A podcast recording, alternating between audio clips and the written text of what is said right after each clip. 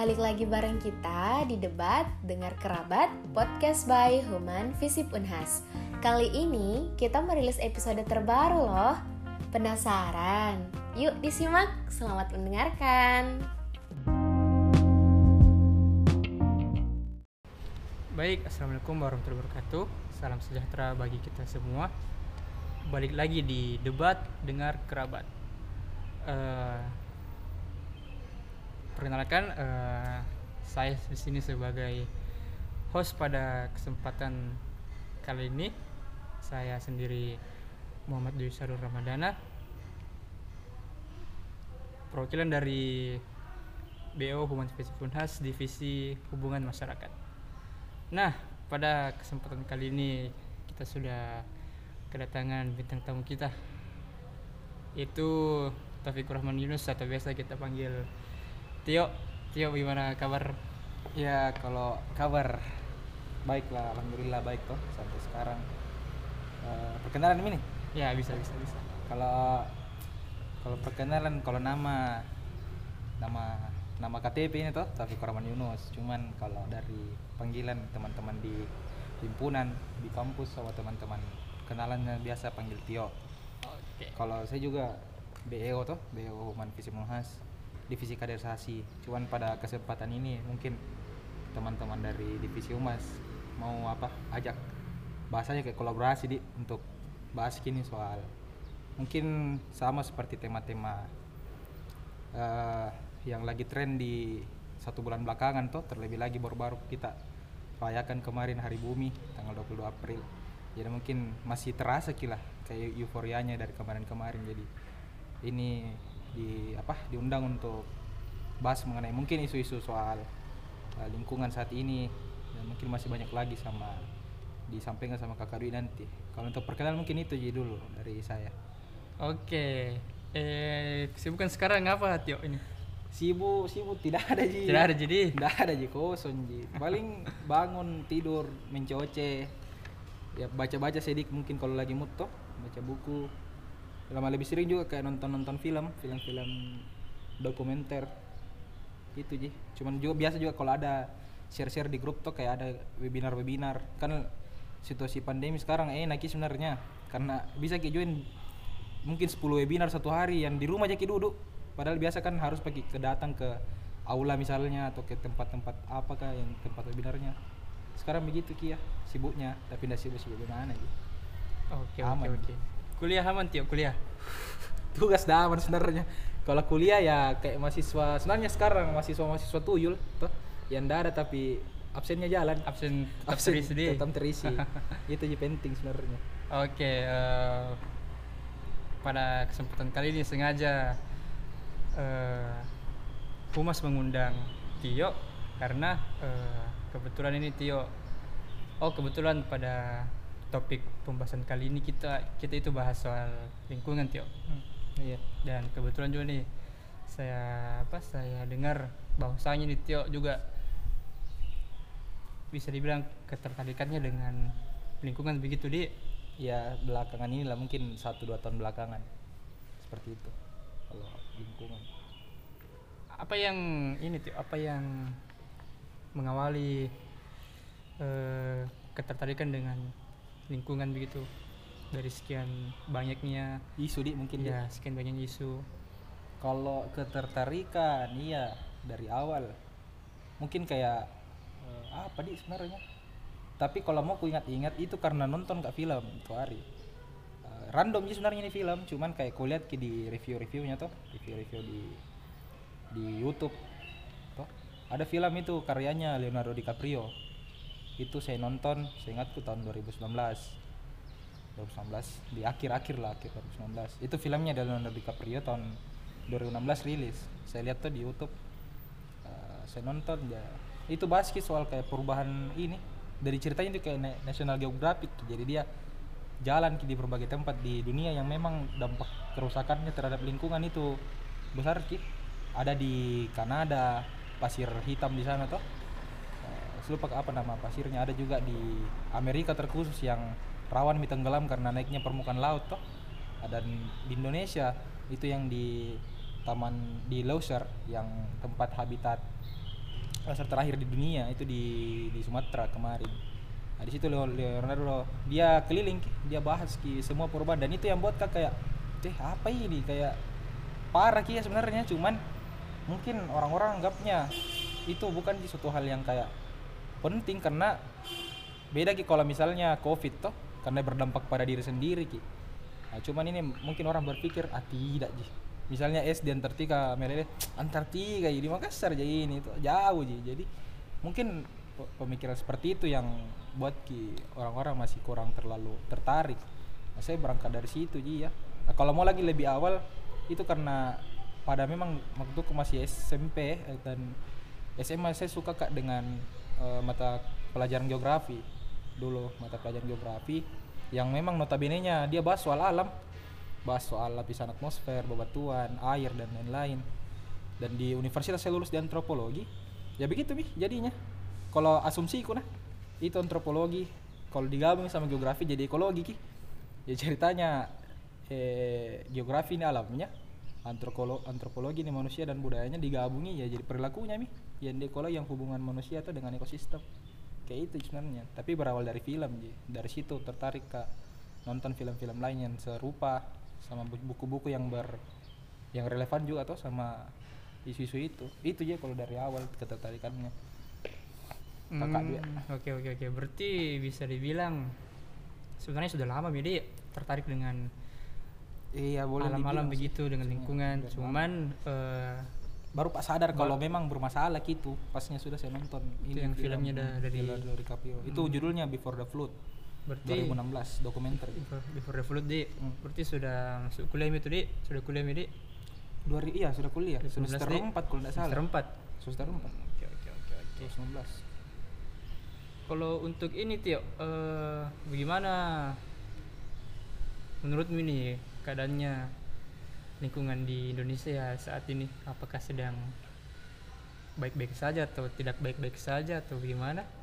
kalau kalau dibahas soal itu toh apalagi kalau orang yang kayak saya mungkin yang eh, sejauh ini memang lebih tertarik ke ke situ lingkungan pastilah jawabanku tidak baik-baik saja toh tidak baik-baik saja contohnya mungkin paling gampang jika kita lihat saat ini atau mungkin dua bulan belakangan bagaimana kau lihat ki hujan di sini di kota di kota Makassar yang tiba-tiba muncul hilang lagi kayak begini. Toh, padahal memang siklus yang kita tahu dalam mungkin pelajaran-pelajaran IPS mungkin yang pernah dapat tuh siklus musim hujan itu eh, ada ki dari eh, bulan apa bulan Oktober sampai bulan April. Ya kayak Toh, tahun di kayak tiap-tiap tahun ada ada jadwalnya tuh dan sekarang kalau mau dilihat mungkin dari segi eh, dua atau tiga tahun belakangan random sebenarnya random. Bahkan sekarang yang kita bilang bulan Mei eh, itu kadang uji ada hujan yang betul-betul memang yang sampai banjir. Iya, lama-lama seminggu ke minggu berikutnya ndak ada nih. Toh yang apalagi kalau mau kak bilang tuh di di di tahun ini curah hujannya memang menurutku ndak ndak banyak menurutku nah. Ndak banyak. Tahun lalu justru yang 2019 toh yang sebelum covid eh, itu justru kebanjiran yang sampai bendungan Bili-Bili dibuka itu toh Iya, iya, itu iya. hari. Itu sampai betul-betul yang parah sekali menurutku nah selama aku mungkin hidup di Sulawesi Selatan itu mungkin banjir terparah yang ku tahu selama ini. Nah itu. Dan semakin ke sini kayak semakin beda gitu mungkin dari segi iklimnya atau kalau dari segi lingkungan mungkin di Sulawesi Selatan eh, menurutku masih tidak terlalu bagaimana dia menurutku. Cuman kalau di Indonesia pasti jelas nih banyak nih kita lihat video-video dokumenter bahas gitu. Contohnya kemarin 2019 ada Sexy Killer. Ini baru-baru lagi ini rilis. Kinipan ada banyak lagi yang mungkin tidak dinonton seperti Diam dan Dengarkan. Eh, dan baru-baru juga lagi kemarin ini yang saya nonton yang Pulau Plastik. Itu memang video-video yang sebenarnya kalau kita nonton kayak betul-betul kita bilang deh di Indonesia kini hidup tapi sepertinya itu kayak disembunyikan sebenarnya yang kayak itu kita nonton itu pi baru kita sadar kalau ada masalah kalau ada pi film media ndak ada misalnya yang mau paling media lihat cuman yang terjadi ji. Kayak banjir longsor tapi dia tidak lihat kan dampak dari apa gitu sebabnya. Kan bicara eh, musibah pasti anu itu tuh menurutku lah sebab akibat ki. Ada sebabnya apa misalnya tsunami kan sebabnya gempa toh. Eh, banjir sebabnya apa ya hujan kalau misalnya kayak itu kayak kemarin yang diliput cuman ya hasilnya hasil dari itu. Padahal ya ndak ditahu misalnya kayak penebangan hutan itu kan eh, deforestasi dan lain-lain itu dampak di Indonesia seperti itu. Sebenarnya kalau di negara atau itu lingkungan menurutku boleh dibilang krisis mila kalau di Indonesia. Karena kenapa saya bilang krisis? Eh banyak film dokumenter yang saya nonton selalu ada partnya Indonesia selalu ada partnya Indonesia. Selalu ada misalnya eh, dia dari mana kah toh? Dari Amerika. Baru ada lagi kayak eh, intermezzo. Misalnya naik mobil tiba-tiba ada lagi jalan nama negara di bawah Indonesia. Selalu ada itu.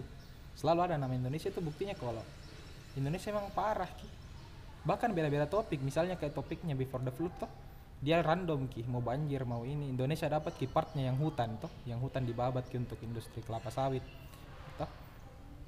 Itu dibabat ki. Yang di racing extension itu juga dia bahas soal kayak penangkapan ikan pari kalau tidak salah deh Iya, iya. yang di sana tuh ikan pari manta yang itu memang karena ah tidak ada memang ini kodong yang nak kerja orang-orang di sana. Hanya itu mata pencariannya tuh Nelayannya dia. ah nilainya di sana. Hanya itu. Itu ji ya. Terus eh, ada lagi satu Treset Treset itu film 2012 juga soal sampah.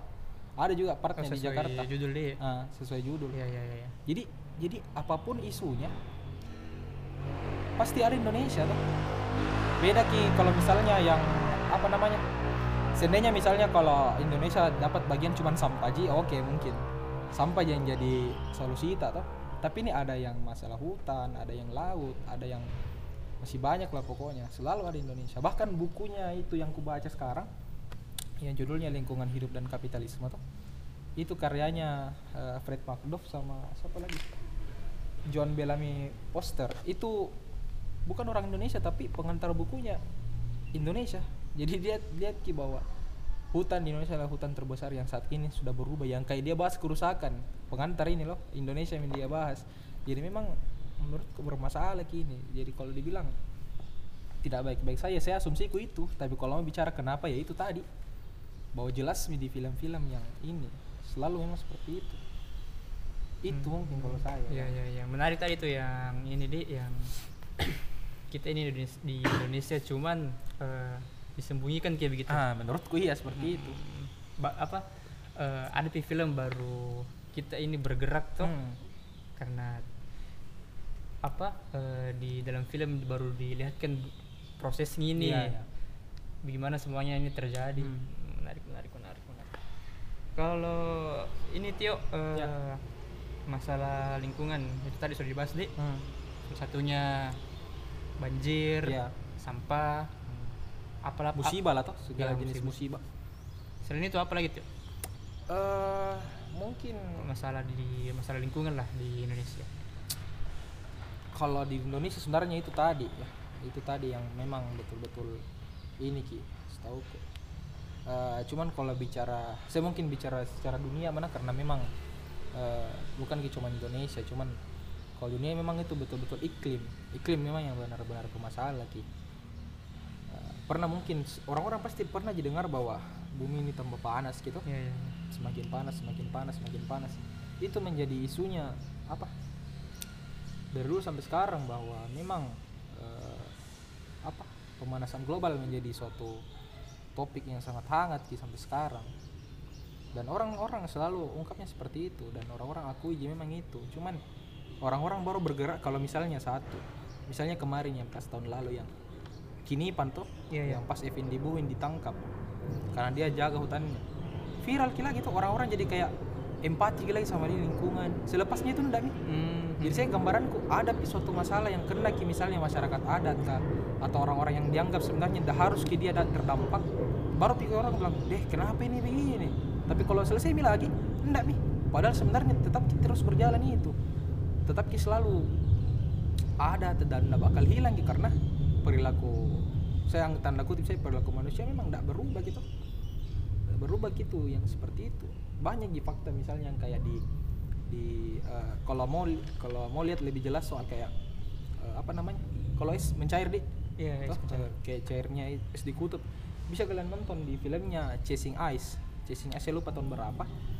Dia itu dokumenter kalau berapa tahun itu berapa bulan. Dia pasang kamera di situ jelas kalau memang dia SS tinggalkan ini ah. kameranya itu ah, dia SS ini memang meleleh ki yang memang bahkan ada kebarin kabar kalau ada bongkahan ini tuh dia Glaster di apa ah, nama itu? Glaster itu kalau Glaster itu semacam kayak es yang memang betul-betul masih biru.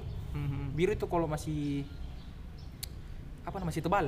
Masih tebal ki. Ah ini kalau biru ki kalau masih warna biru ki itu es itu masih memantulkan cahaya ki. Jadi ceritanya masih kayak AC ki bagi bumi. Mhm. Nah, lama-lama itu berubah warna.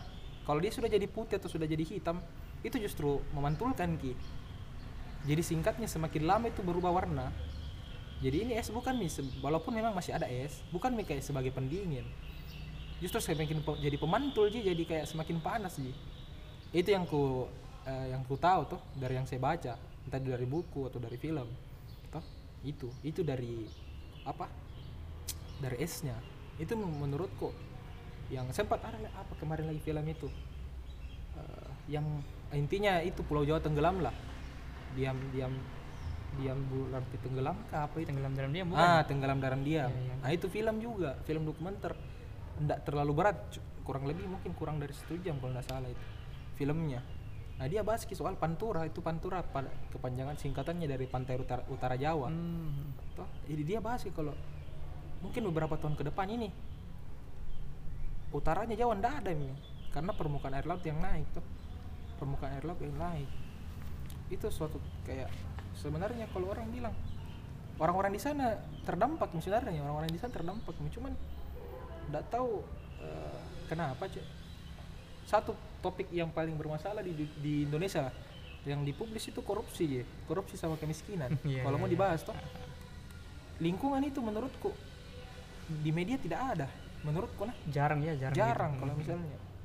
Mungkin agak-agak kacau kalau saya bilang tidak ada di jarang mungkin tuh jarang dari dari media. Paling itu ada paling dari webinar-webinar. Yang mungkin dari WA ke WA jadi dapat tuh.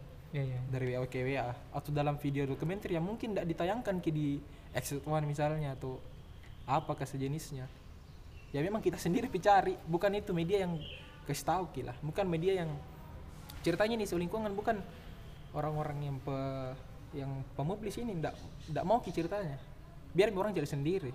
Jadi ceritanya kalau misalnya yang cari cuma dua orang ya dua orang yang tahu.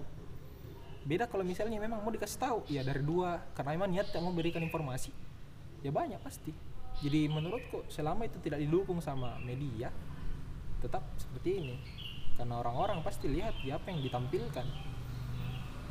Kayak begitu mungkin kalau dari saya. Hmm, berarti banyak hal Banyak, banyak. hal-hal yang begitu dialihkan sama isu-isu yang seperti itu tadi Hmm. korupsi eh, dan lain sebagainya berarti eh, sekarang kan ini apa pandemi itu masih Ya. pandemi dan iklim juga masih terus Betul. berlanjut toh betul betul Eh, kita tahu ini pandemi boomingnya luar biasa tuh Hmm. satu satu apa seluruh dunia lah. Hmm.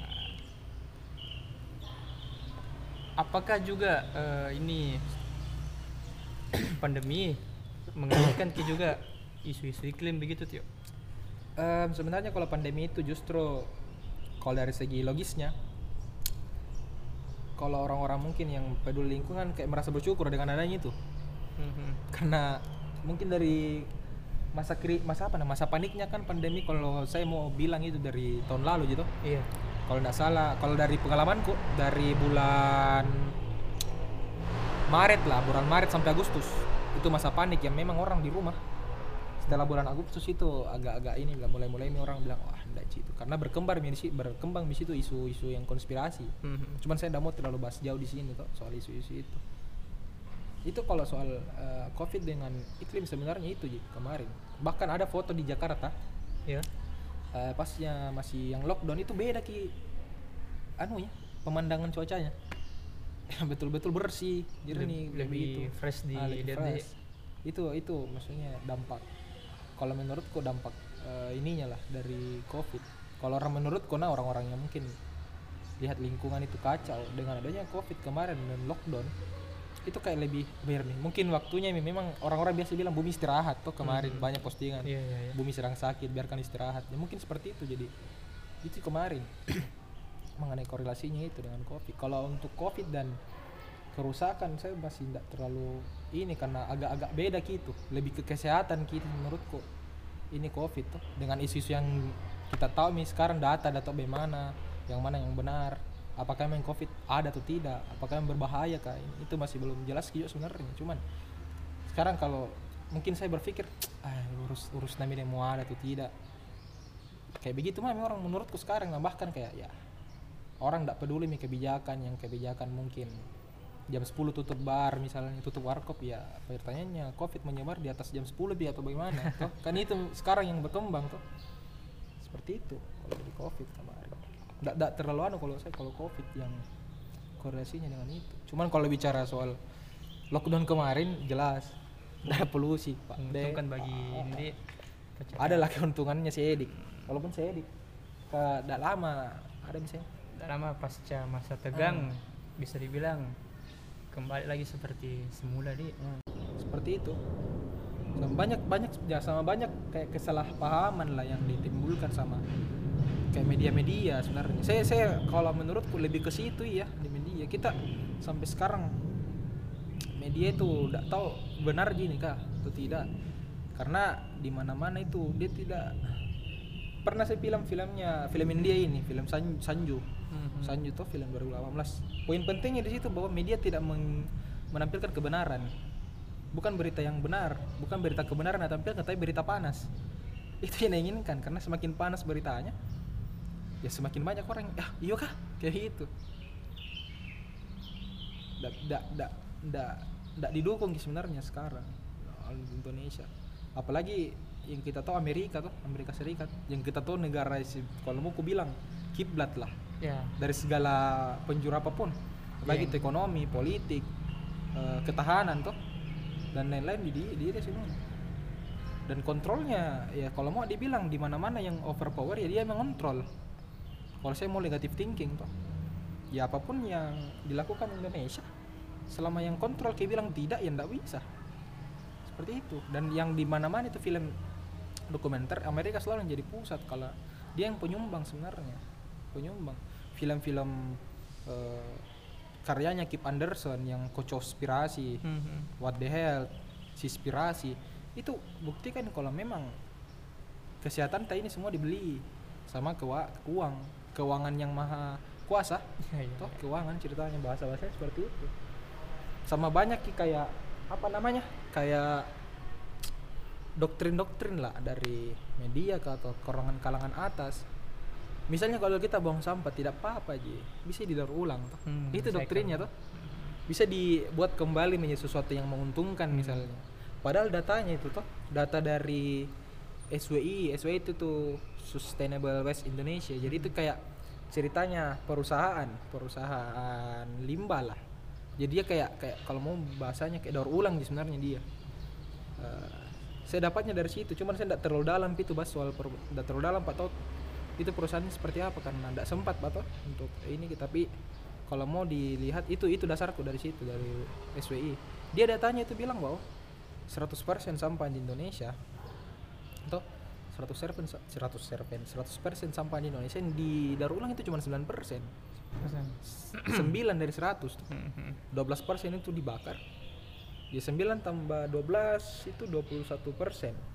Berarti ada sekitar ada bukan sekitar ada 70 se- 79 persen sampah di Indonesia itu masih bertumpuk di TPA TPA di mana pun yang ada di Indonesia.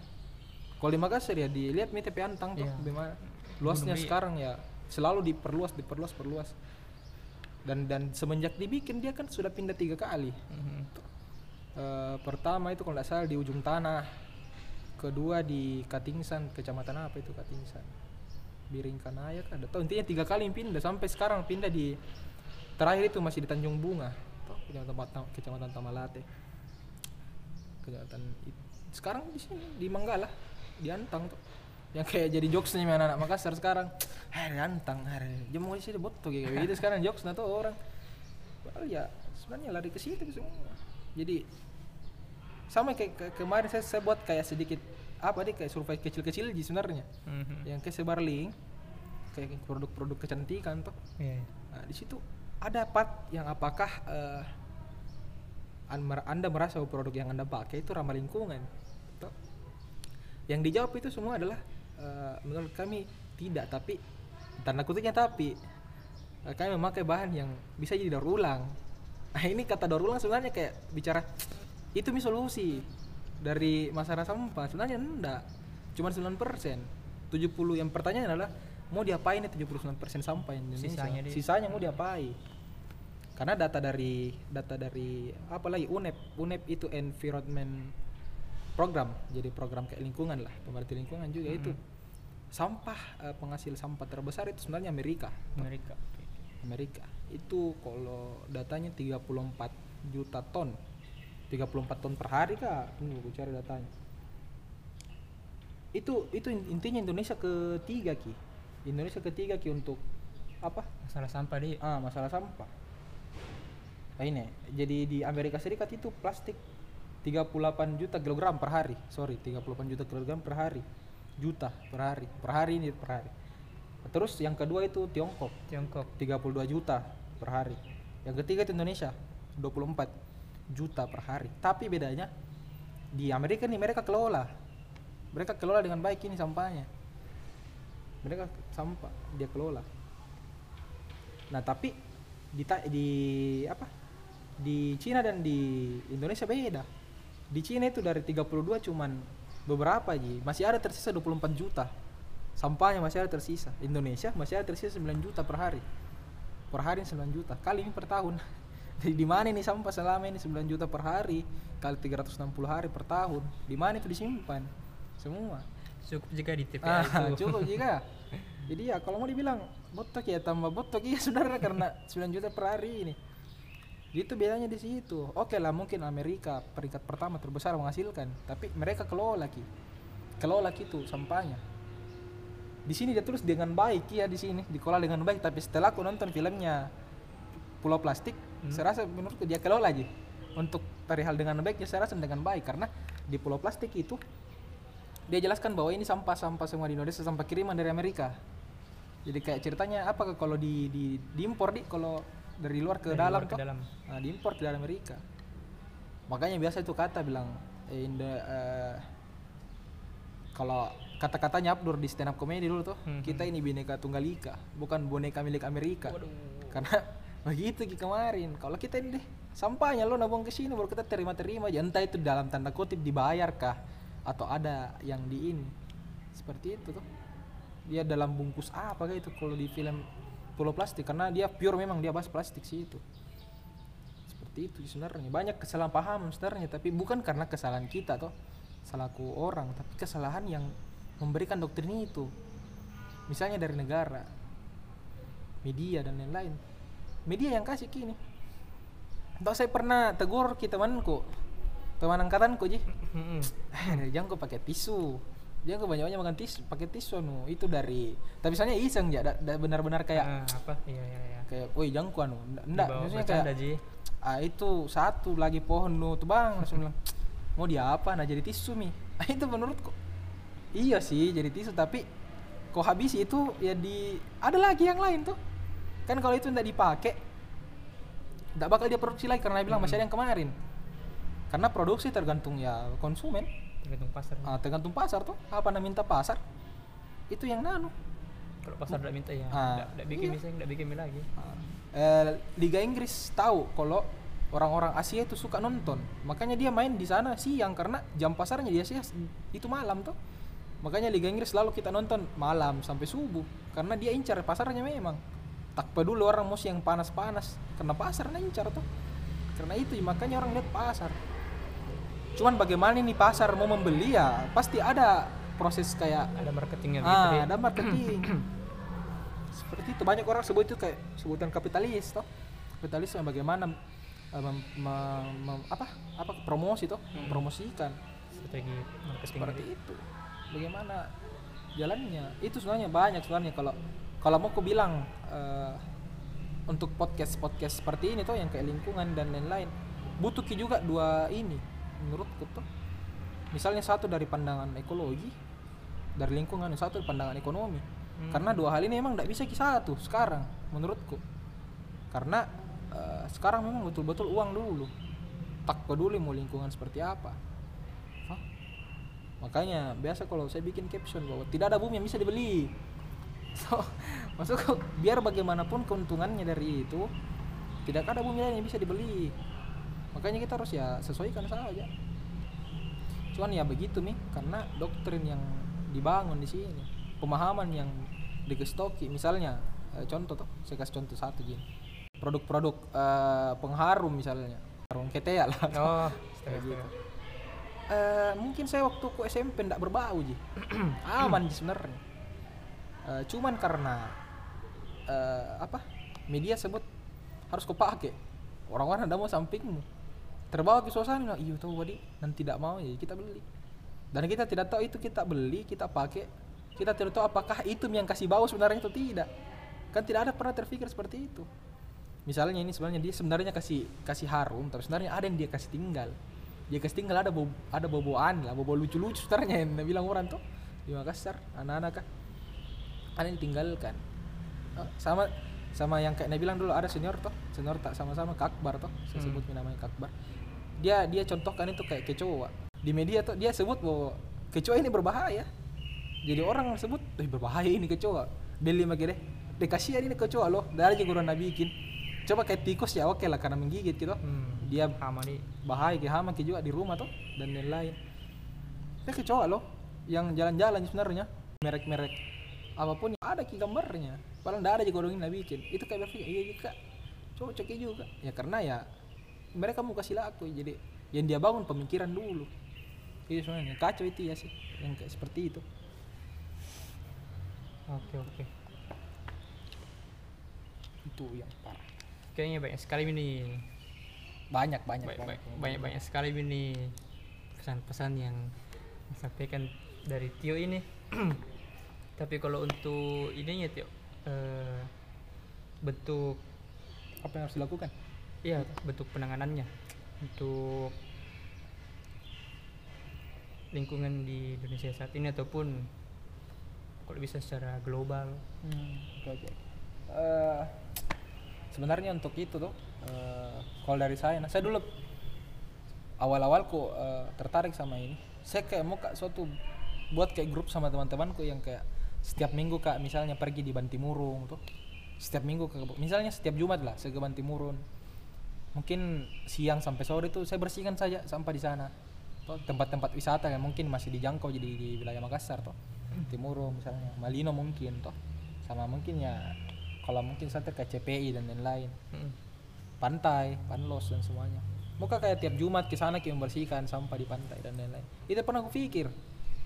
Tapi kalau ku lihat lagi ulang sama ji, tetap ji begitu karena sistemnya masih sama. Sistem masih sama. Sama analoginya begini. eh kau isi baskom toh. Kau isi baskom. Pakai air lah. pakai air air keran toh, baskom baskom. Terus full. Terus kau ndak mau kalau itu tumpah-tumpah airmu. Solusimu adalah kau ganti baskomnya. Cari ember lain. Full cari lagi ember lain. Begitu yang dilakukan tuh. Terulang ki. Padahal solusinya satu, jadi matikan keran. Toh, satunya satu untuk tidak terisi lagi, tidak full, tidak mau matikan kerannya. Sama kayak ini sistemnya, sistem yang bermasalah ini. Bukan makanya kayak ada kayak gerakan-gerakan yang kayak pungut sampah. Saya tidak salahkan. Saya bilang itu gerakan, itu memang pantas ki untuk begitu. Cuman ceritanya kayak kau buang energimu, gitu. ya. Buang energimu, buang energimu untuk lakukan gitu. Hal-hal Sebenarnya ya, berulang ah, berulang lagi akan terjadi lagi karena sistemnya tidak berubah. Makanya untuk untuk menang itu kita cuma butuh 3,5 persen populasi dari seluruh penduduk Indonesia. Sejarahnya memang ah, seperti itu. Hanya butuh 33,5 persen dari penduduk setem- setempat untuk memang hanya untuk memang mengubah gitu sistem di atasnya. Jadi ya sekarang itu misinya sebenarnya. Jadi kalau saya nah untuk untuk untuk kalau dari pribadi mungkin satu itu bisa dengan ya ubah pola konsumsi entah itu konsumsi dari eh, apa pangan Hmm. papan tuh dan lain-lain. Misalnya kemarin itu ada kayak gerakan vegan toh. Vegan di sekitar tahun 2016 2017 mungkin karena filmnya kons- konspirasi itu berangkat dari situ. Itu berangkat dari vegan. Cuman saya tidak bisa sangkut pautkan dengan kita vegan supaya lingkungan Indonesia baik tidak. Seandainya saya tinggal di Amerika atau di Jepang toh kita vegan supaya bagus lingkungan. Sedangkan saya tinggal di sana mungkin relevan karena orang-orang di sana memang dia justru lebih hidupkan hewannya daripada dia ceritanya. Karena konsumsinya mungkin di Amerika kan junk food toh daging toh. Kalau di Jepang itu kalau kalau ini soal kayak sushi lah apa kayak dari bahan-bahan laut lah ceritanya di sana tuh tuna eh, salmon di sana toh. Di- Seafood begitu ah, deh. seafood nah itu seafood makanan-makanan ya saya lupa namanya itu seafood makanan dari laut toh Mhm. makanan laut. Itu dua tempat. Makanya teman-teman yang sudah nonton Conspirasi itu lebih ke Amerika. Teman-teman yang sudah nonton Sispirasi lebih ke Jepang. Mhm. kalian nonton What the Hell itu kayak bentuk kayak ini misalnya harus melakukan. Tuh, bahwa tidak ada sebenarnya ini yang bisa dipercaya. Asosiasi apa pun mau kayak eh, itu sebagai contoh saja yang ku bilang di asosiasi kanker payudara lah. Di di Amerika itu namanya Susan G. Komen itu asosiasi loh asosiasi kanker Amerika. Dari datanya data dari film itu tuh mungkin teman-teman bisa nonton saya tuh. Supaya mungkin saya tidak bicara kayak ah bohong ini. Itu saya.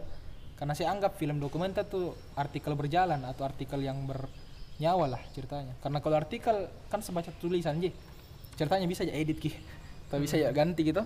Kalau film kan jelas siapa yang bicara jelas gelarnya eh, dan bisa dicari. Toh bisa dicari ya menurutku ya saya lebih percaya itu. Walau bukan saya bilang saya tidak percaya artikel toh. Cuman menurutku bisa ki lebih percaya itu toh.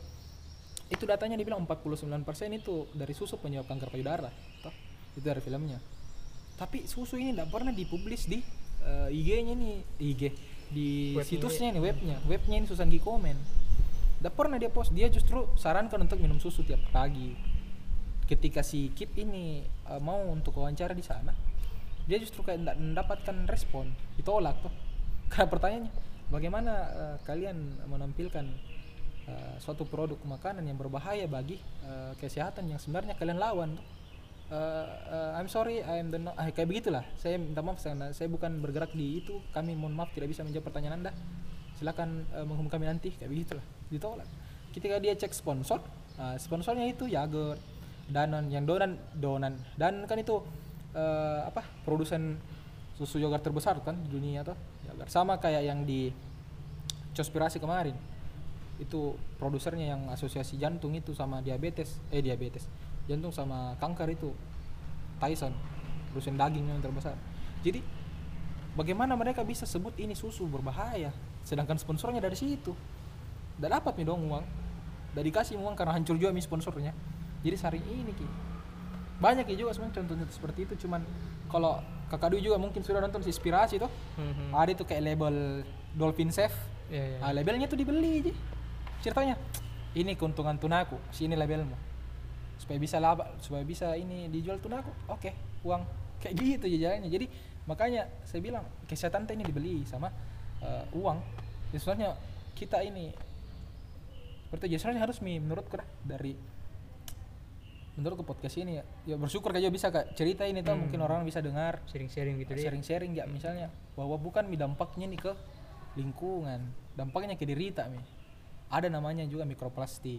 Yang dari plastik mengecil mengecil mengecil mengecil mengecil di lautan dimakan sama rantai makanan lautan. Kita makan ikan dari lautan kita makan dalam tubuh ya kita juga Sama saja dengan sama saja dengan kita. Jadi tidak perlu kita eh, buang sampah plastik dan lain-lain karena plastiknya diri tak plastik sebenarnya. Ada mi. Di dalam seperti itu plastik. Dan eh, kayak tadi aku bilang solusinya itu seperti itu. Misalnya ganti dari eh, botol misalnya toh botol minum eh, tumbler ta Hmm, misalnya. tumbler. yang hindarilah konsumsi. Misalnya kita ke Indomaret bawa tote bag lah tote bag kosong toh untuk itu. Itu pola-pola seperti itu. Tapi jangan pernah bilang bahwa eh, deh ini orang selalu ini tapi masih itu jangan bikin. Tidak usah pusingi itu misalnya kakak Dwi toh selalu bilang jangko anu lingkungannya harus ini tapi kok masih ini jangan jangan pusingi itu dirimu saja bilang saya harus seperti itu Toh. persoalan vegan kalau menurutku udah bisa korelasikan ke dengan eh, lingkungan di Indonesia Toh. tapi kalau bicara yang diambil di Indonesia misalnya daging-dagingnya diambil dari Amerika s- eh, food-foodnya makanan seafoodnya diambil dari Jepang saya rasa korelasi ki cuma saya bi- ndak- belum bisa dalami sampai situ. Cuman kalau menurutku negara ini kaya menurutku ndak ada jadi impor. Karena kaya ini toh laut Indonesia bagaimana loh? Hmm. toh luar biasa toh. Seperti itu karena kayak ceritanya yang disinspirasi kan hancur kayak memang di sana yang seafoodnya. Karena untuk tuna untuk dia legalkan tuna dia hancurkan semua predatornya anu. dia kambing hitamkan gitu kayak hiu dan lain-lain. Supaya bisa legal kini supaya bisa ki tunanya. Padahal tunanya bukan habis karena hiu Bunuh hiu. Tapi dan- karena mereka yang tangkap secara berlebihan. Cuman mereka kambing hitamkan gini predator. Seperti itu. dan medianya kan ndak ini tuh di sana jelas di filmnya itu seperti itu. Itu jadi kalau saya itu vegan untuk kalau kalau bicara kesehatan dari datanya seperti itu. Bicara untuk produk-produk eh, pola makan nabati mungkin bisa menjadi eh, solusi lah bagi kita untuk dia anu tuh eh, bagi kesehatan tapi untuk kayak lingkungan eh, bisa tidak bisa pak korelasikan ke dengan negara kita di Indonesia. Toh karena kalau misalnya mau vegan di Indonesia semua dari nabati kerjanya nelayan bagaimana peternak bagaimana itu toh yang masih kayak menjadi ini ki. Cuman kalau bicara kesehatan ya itu. Kalau orang-orang di Amerika dan Jepang kan jelas orang-orang memang memang apa namanya sampaikan seperti itu sampaikan seperti itu memang yang jelas. Mungkin seperti itu sih. Banyak data sebenarnya data-data yang mungkin belum ku sampaikan toh di sini. Misalnya kayak eh, perang iklim terjadi di film misalnya tuh. Prediksinya 50 tahun lagi. Maksudnya perang iklim krisis air. Kita perang karena mau ki- dapat air misalnya seperti itu. Eh, terus eh, apa lagi? Kayak hutan ya misalnya 4 4000 meter eh, kubik hutan dibabat tiap detik itu data data dari eh, film Before the Flood sama di film eh, apa ya, Conspiracy juga ada toh. Banyak film-film dokumenter. Dan 10 tahun berikutnya itu hutan hujan hilang di Amazon. Dan di dalam film Conspiracy juga dijelaskan bahwa orang-orang yang pemerhati lingkungan juga banyak yang diincar untuk dibunuh. Jadi ceritanya kayak ada korelasi ya bahwa dia mau kebongkar ki.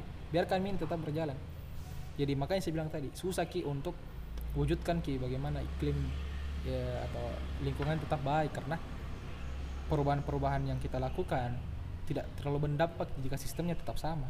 Makanya doktrin-doktrin yang di atas itu bilang bilang "Ah, mulainya dari diri sendiri toh. Dia selalu bilang begitu.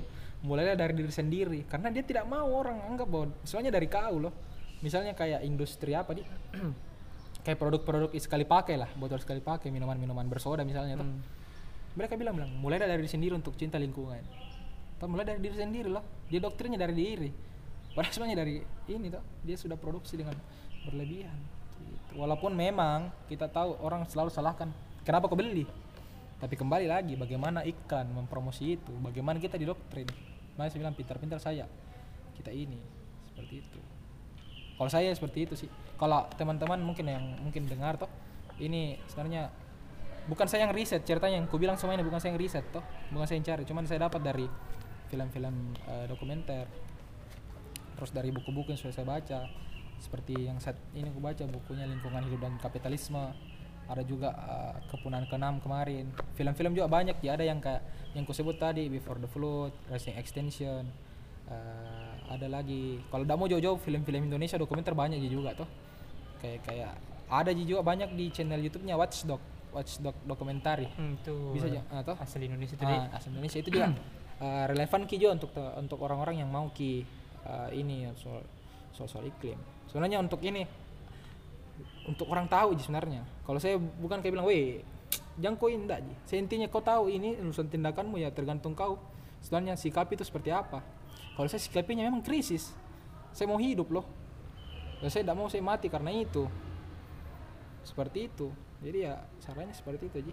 Kalau mau cari banyak sebenarnya untuk film-film. Dan dan intinya jangan anggap eh, berita itu datang ke kita. Kalau masalah iklim nah saya bilang masalah iklim. Kalau masalah korupsi masalah kemiskinan eh, pendidikan gratis dan lain-lain isu-isu kampus dan semuanya media aja yang datang. Tapi kalau urusan lingkungan iklim dan lain-lain tidak ada itu yang dibilang itu mau datang ke kita informasinya. Kita yang harus cari. Kita yang harus cari. Itu saya yang kutekankan kita yang harus cari memang isu-isu seperti itu dan isunya kemarin mungkin climate change perubahan iklim sekarang bukan. Sekarang itu climate krisis berarti kri- krisis iklim nih bukan mi perubahan iklim. Jadi naik mininya. Jadi kalau sudah climate ik- krisis ya anda tahu mi ini kakak duit mami nanti lihat bagaimana toh. Cuman itu jadi kalau saya bagaimana sikapi. Berarti banyak banyak hal yang dialihkan Banyak, banyak.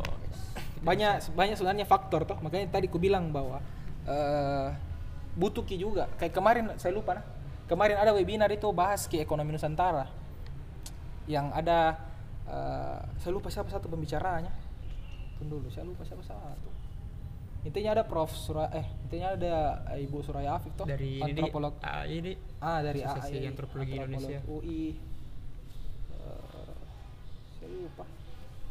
Tunggu dulu itu ada kemarin diskusi yang memang dia bahas ki mengenai bagaimana kini ekonomi di Indonesia tuh mempengaruhi keadaan lingkungan. Nah ini ada Prof. Dr. Sri Edi Suasono guru besarnya UI ada Ibu Soraya Afif PhD antropolog UI sama ada Ibu, eh, Kak Meli eh, Melisa Kawara ini dia juga banyak dipanggil di berbagai pembicaraan soal-soal kayak isu-isu lingkungan. Itu bahas bagaimana ekonomi ekonomi Nusantara? Nah, dan saya mungkin di situ tadi di situ saya kurang kok tadi aku bilang saya belum bisa bahas lebih banyak soal ekonomi. Ekonomi yang menurutku itu memang penyebab dari krisis iklim. Itu memang penyebab dari perubahan iklim karena berdasar dari situ ki. Karena kita eh, berdasar dari situ. Saya juga belum sempat baca bukunya ini ekonomi nusantara karena baru saya dapat webnya tadi sekitar jam 10 jadi saya belum sempat baca jadi saya belum sempat singgung di sini.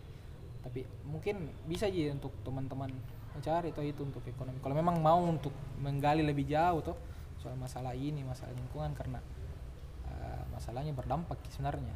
Itu memang ekonomi dan ekologi. Makanya kemarin pertanyaannya sempat saya post di status WA aku yang bilang apakah eh, bisa kita kedepankan ekologi dulu dibanding ekonomi? Nah, itu memang pertanyaan yang sangat menarik kemarin salah satu peserta yang masuk. Nah, itu kemarin yang menjadi isu sebenarnya. Jadi agak-agak eh, susah ki dihubungkan atau susah ki relevan sebenarnya atau berkorelasi berkolaborasi nih ekonomi sama ekologi itu mungkin nanti bisa untuk kayak ada mungkin kayak semacam podcast dan lain-lain tuh ada mungkin dari ekonomi yang paham soal ekonomi dan juga dari ekologi kalau saya itu sebatas kayak sharing ya sebenarnya. Apa yang ku alami tuh apa yang ku tahu dan berdasarkan yang ku dapat di media yang ku dapat di film dan lain-lain untuk share supaya mungkin orang-orang bisa tahu juga bilang oh ini loh terjadi. Urusan mau cari ya ada ji. Tidak tersembunyi juga itu bukan ji anu yang tersembunyi. Cuman tidak dipublisnya ji. Saya tidak tahu kenapa juga. Seperti itu ya, banyak banyak tadi disinggung di film-film dia begitu. Film-film banyak film banyak film sih lebih banyak lebih lebih jelas juga penjelasannya. Berarti eh, bisa dibilang ini apa ekonomi sebagai sistemnya begitu di iya kalau saya bilang sistem sistem ekonominya begini. Sistem ekonominya yang Mempengaruhi. eh, ma- ah, mem- mempengaruhi. Kalau bu kalau saya bahasa lebih kasarnya lagi mengorbankan lah. Mengorbankan lingkungan sebenarnya. Bahasa kasar gitu nah dari Mhm. asumsi ji bukan Iya, dari iya, iya. Eh, yang ku dapat asumsiku sebenarnya. Ya makanya penuntutan bukan tuntut untuk ayo kita misalnya kayak covid toh ayo kita pakai masker. Iya. ya bukan solusi kasih jauh covid itu. Ya covidnya cari mana? Bunuh itu. Kayak gini bang. Jangan bilang ayo kita eh, bersihkan eh, pantai tiap hari. Enggak. Sistemnya eh, rubah sistemnya. Itu itu menjadi saya tuntutan yang ini. Cuman ya agak susah karena kita tahu sistemnya tuh apa vertikal tuh kalau Hmm. misalnya dari bawah ke atas jadi susah untuk mendapat. Cuman ya kalau sejarahnya butuh 35% dari penduduk di suatu tempat untuk bisa guncangkan kita yang di atas. Dan itu menjadi PR sebenarnya untuk kita. Cuman begitu susah ki untuk kita juga tidak bisa paksakan orang untuk mau sepakat toh Iya. untuk mau bisa Hmm. juga. Misalnya eh, kakak Adi toh sekarang sudah lepas dari saya tidak bisa paksakan untuk kau bisa sepemikiran dengan saya lah enggak lah. Itu tergantung dari bagaimana kau pandang. Seperti itu saya anggap batu ini keras kalau kau bilang lembek ya lembek itu banyak sebenarnya isu yang bisa dibahas sebenarnya. Oke, eh, sebenarnya masih mau bertanya tadi itu cuman apa soal apa eh sempat ada film-film udah sharing cuma kayaknya banyak sekali yang disinggung tadi. banyak banyak Eh, terakhir ini Tio, eh, pesan hmm.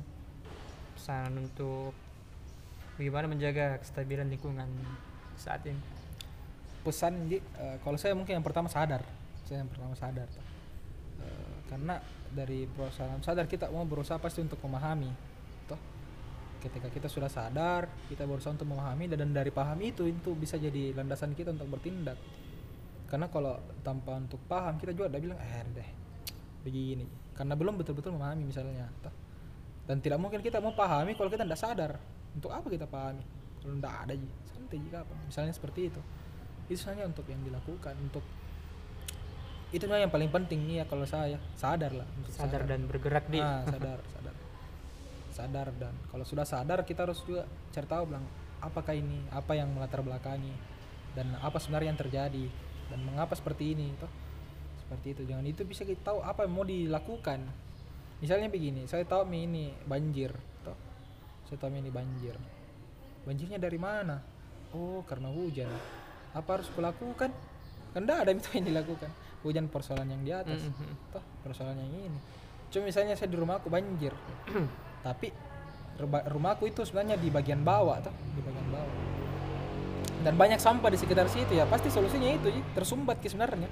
Jadi air singgah di situ. Toh, ya itu kan bisa juga kita tahu. Karena kita pahami bahwa ternyata oh sampah. Seperti itu ki. Misalnya untuk ini. Karena banyak ya sebenarnya yang terjadi tuh apalagi di negara ta Indonesia yang memang kalau dari data juga dari filmnya Before the Flood 80% hutan ta ini sudah berubah menjadi kelapa sawit. Kelapa sawit itu ter, apa yang dihasilkan? Ya produk-produk makanan eh, apalagi sudah produk-produk ini berubah fungsi. Nah, semuanya. Dan dan semua fungsi dari sawit itu yang didoktrin sebenarnya di media. Yang kayak media semua jenis deterjen lah semua jenis deterjen diiklankan di media mau itu apakah banyak jenisnya tuh yang dia sekali kucek hilang. Nah semua dari ada ada bagian minyak sawitnya di dalam karena dari situ ke semua. Nah, pasta gigi dan lain-lain. Semakin banyak berbusa semakin bagus padahal busa ada bahan kimianya juga yang mencemar sebenarnya. Itu media sebenarnya yang makanya saya tidak pernah bilang kalau salah ini sebagai manusia karena kita beli. Tidak tapi bagaimana ini orang mendoktrin melalui medianya? Orangnya saya tidak tahu siapa. Iya luar biasa ini orang. Luar biasa ini orang tuh. karena itu yang terdoktrin. Ketika saya ketika saya belum terdoktrin tapi orang sekelilingku pakai ya merasa keasing loh kalau tidak pakai. Kayak begitu. Makanya kemarin saya sempat kayak survei kecil-kecil yang kayak penggunaan skincare lah tuh kayak Hmm. masker wajah. Pas SMA kan belum terlalu bagaimana itu tuh Iya. masker wajah. Mungkin kelas-kelas 3 lah kelas 3 sampai sekarang itu yang deh banyaknya nih jenisnya. Dulu ya Mulai paling apa juga sabun muka tuh. Sekarang skincare yang betul-betul memang bahkan yang dulu perempuan sekarang menjalar mi ke kaum kaum laki-laki iya juga tuh. nah, banyak banyak tempat bukan mi bukan mi. Cantik bukan hanya untuk perempuan mi sekarang buat laki-laki. Karena glowing juga untuk ah, laki-laki. Laki-laki. karena beda saya bilang bahwa terlihat gagah mi lagi bukan mi. Itu marketingnya lagi berubah gitu. Karena eh, yang saya baca juga di bukunya ini lingkungan hidup yang kapitalisme semakin banyak keuntungannya semakin dia tidak puas. Kan beda gitu tuh kalau kita mungkin sedikit untuk tidak puas ki. Kalau banyak mungkin bersyukur begitu Hmm. kalau dia tidak semakin besar keuntungan maka dia semakin tidak puas.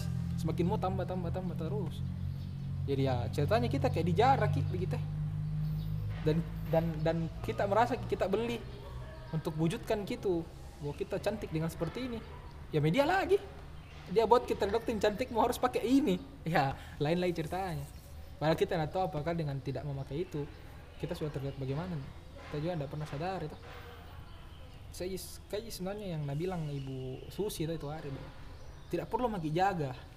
Dia mau kok sok sok dia mau kok sok bilang melestarikan. Tidak perlu. Tanpa kau korek-korek itu lobster di laut dia hidup ji. Tanpa nu kasih makan dia hidup ji. Makanya agak kalau saya bilang nah kata melestarikan itu kayak perkataan yang berlebihan ki. Sebenarnya tidak jadi bikin. Cukup tidak dikorek ji saja demi diganggu bukan jadi melestarikan nama kan kalau melestarikan nu rawat Mm-mm, dirawat. kau kasih makan kau kasih minum tuh kasih tidur misalnya. Kalau itu kan tidak ji. Cukup dilihat ji saja tumbuh sendiri kan. Itu kalau mau bilang menjaga yang masuk kayaknya menjaga. Nah cuman lebih pas tidak merusak tuh. Kalau menjaga juga kan tidak tidak tidak relevannya menurutku. Tidak merusak ya kata melestarikan menurutku terlalu hiperbola kalau kita. Bilang "Les- saya melestarikan lingkungan apa aku bikin? Hmm. tidak ada. Ji Iya, kita juga tidak tahu kalau apa kita lestarikan kini kita kasih ke makan Hmm, minum tidak, apa kalau buktinya. itu bisa merusak atau bagaimana? Sebenarnya kita mungkin eh, punya tambak misalnya tuh nah, kita kasih makan memang ya oke lah kalau mungkin pelestarian tambak toh. Kita tapi kalau laut dan hutan tumbuh sendiri juga.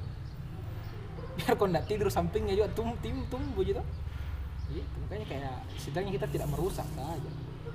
Dan kita itu tadi pertama sadar. Karena pertama dengan kita sadar kita berusaha pahami dan kalau kita paham kita akan tahu apa yang kita lakukan. Dan saya rasa tidak bakal keliru yang dilakukan kalau kita memang betul-betul paham. Dan untuk mendapatkan panu harus memang sadar. Itu dia menurut saya. Untuk panunya mungkin apakah namanya? Gimana nanti kita semua? Oke, masih ada lagi tuh pesan-pesan. Ah itu Kayaknya juga sudah sudah sudah banyak. banyak sekali tadi di. Karena kalau mau dibahas juga soal kayak eh, apa yang kudapatkan toh sharing. Saya justru mau ji sarankan ke orang-orang untuk ikut juga menonton lah toh supaya orang-orangnya bisa cerita. Saya tidak mau spoiler karena apa isinya begitu. Jadi saya mungkin tawarkan bahwa misalnya kayak film konspirasi dia bahas soal bahaya lingkungan bukan hanya dari eh, Dari sampah begitu, bukan dari sampah bukan hanya dari kendaraan tapi dari Hmm. eh, peternakan misalnya. Dari sispirasi dia jelaskan ke bahwa yang terlihat sebenarnya itu bukan yang kebenaran. Kita tidak tahu apa yang terjadi di lautan cara penangkapannya dan dan dia bahas di sana. Seperti itu. Misalnya industri-industri anu dia justru yang kayak kau bilang tadi seafood toh di sana. Seperti itu. Di What the Health dia jelaskan soal kesehatan. Saya lupa ungkit lagi yang farmasi toh. Industri farmasi dan lain-lain bahwa misalnya kayak diabetes toh itu kayak bicara doktrinnya katanya keturunan.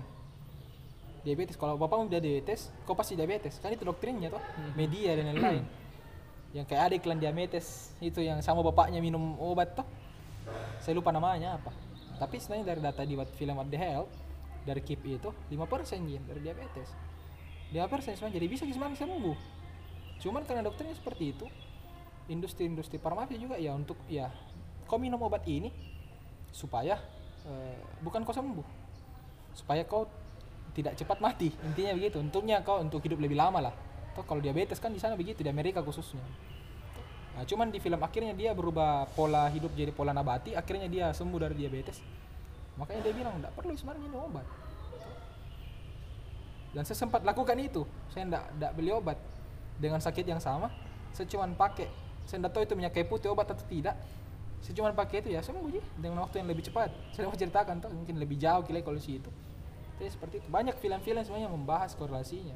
Dan kalau mungkin orang-orang bilang masih dampaknya masih bukan ke diriku menurutku enggak. Kita ini plastik nah. Bukan mi kayak di TPA plastik ya enak buat kayak enggak mi ceritanya di dalam diri ini ada. Surveinya di pulau plastik 13 sampel 13 nya itu positif mikroplastik. Positif ki ada mikroplastik di tubuhnya jadi kalau bicara sampel kan 100% mi itu tuh. 13 sampel 13 semuanya yang kena. Jadi ya Gak tau ini kita berdua ini kalau mau kita juga kayaknya banyak-banyak sih kayak makanan tak juga ya itu juga yang itu jadi seperti itu. Itu jadi mungkin kalau saya. Intinya kalau mau banyak di film yang bisa ki buka mata atau terpampang di banyak. Banyak juga eh, yang orang-orang mungkin di sekeliling yang punya atau mungkin sempat menonton bisa sharing juga kalau yang malas untuk karena memang saya akui film dokumenter itu boring. Karena harus fokus subtitle. Iya, karena subtitlenya itu data tuh beda kayak film-film kayak drakor dan lain-lain. kita mungkin agak tahu ji. Karena kita ikuti jalan-jalan ceritanya biar ndak kita lihat subtitlenya kita tahu apa maksudnya. Tapi kalau dokumenter enggak harus kita memang fokus subtitle. Dan itu betul-betul membosankan. Karena ya data memang di situ. Harus kita memang fokus sama data yang dia tawar Ketinggalan sedikit. Hmm, ketinggalan sedikit. Ih apa ini? Kenapa ada Kenapa sapi tiba-tiba bisa jadi apa bisa timbul kesalahpahaman tuh? nah, nah gitu. Makanya penting kita untuk makanya biasa banyak orang eh dokumenter gitu. Dan saya akui juga karena saya memang kadang bosan ya bahkan filmnya Our Planet toh yang sudah saya dapat itu film dari bulan Februari yang 8 episode belum selesai. Karena boring kak memang. Karena harus dilihat subtitle Terl- mungkin terlepas dari banyaknya juga yang saran tuh yang sehingga terlupakan gitu. tapi memang boring cuman enggak jadi kalau memang kayak memang kita memang betul-betul mau sadar tuh saya rasa hilang gitu boringnya aman Oke, baik. Eh itu tadi apa? Ngobrol-ngobrol santai dari Cerita-cerita capek. Ya, cerita sama Tio eh dan semoga apa? eh pesan-pesan yang sampingnya tadi Tio ini berdasarkan dari data gitu. hmm. Semoga dapat tersampaikan oleh pendengar debat, dengar kerabat sama mungkin kalau teman-teman dapat juga mau lihat secara gimana secara langsung lah. Bukan tanya langsung kayak lihat dari filmnya begitu. Armin tadi film-film yang eh nasarankan Tio oh iya terus sebentar. Oke oke. Saya mungkin anu mungkin kayak ucapan mohon maaf dulu tuh. Malah kalau misalnya teman-teman mungkin sempat nanti dengar. Terus sudah nonton baru kebetulan saya sebut nama film atau itu saya mohon maaf di situ karena saya tidak sempat juga tulis secara jelas misalnya dalam film ini datanya begini. Tapi saya ingat itu itu itu film-film yang saya nonton seperti itu. Intinya datanya saya dapat seperti itu. Teman bisa cari nanti. Itu aja mungkin untuk anunya. Oke, baik. Eh,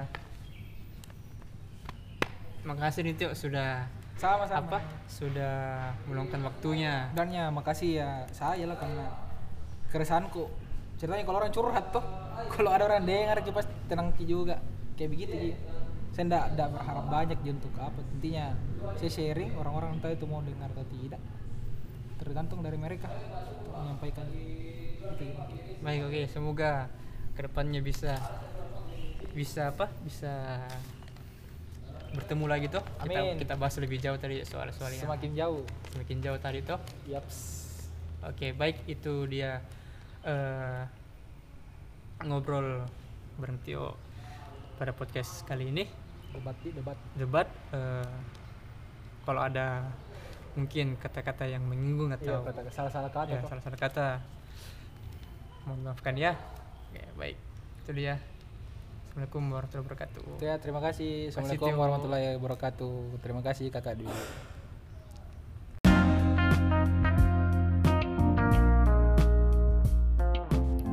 Nah, itu dia tadi kajian serta diskusi singkat kita. Buat tahu lebih banyak, stay tune.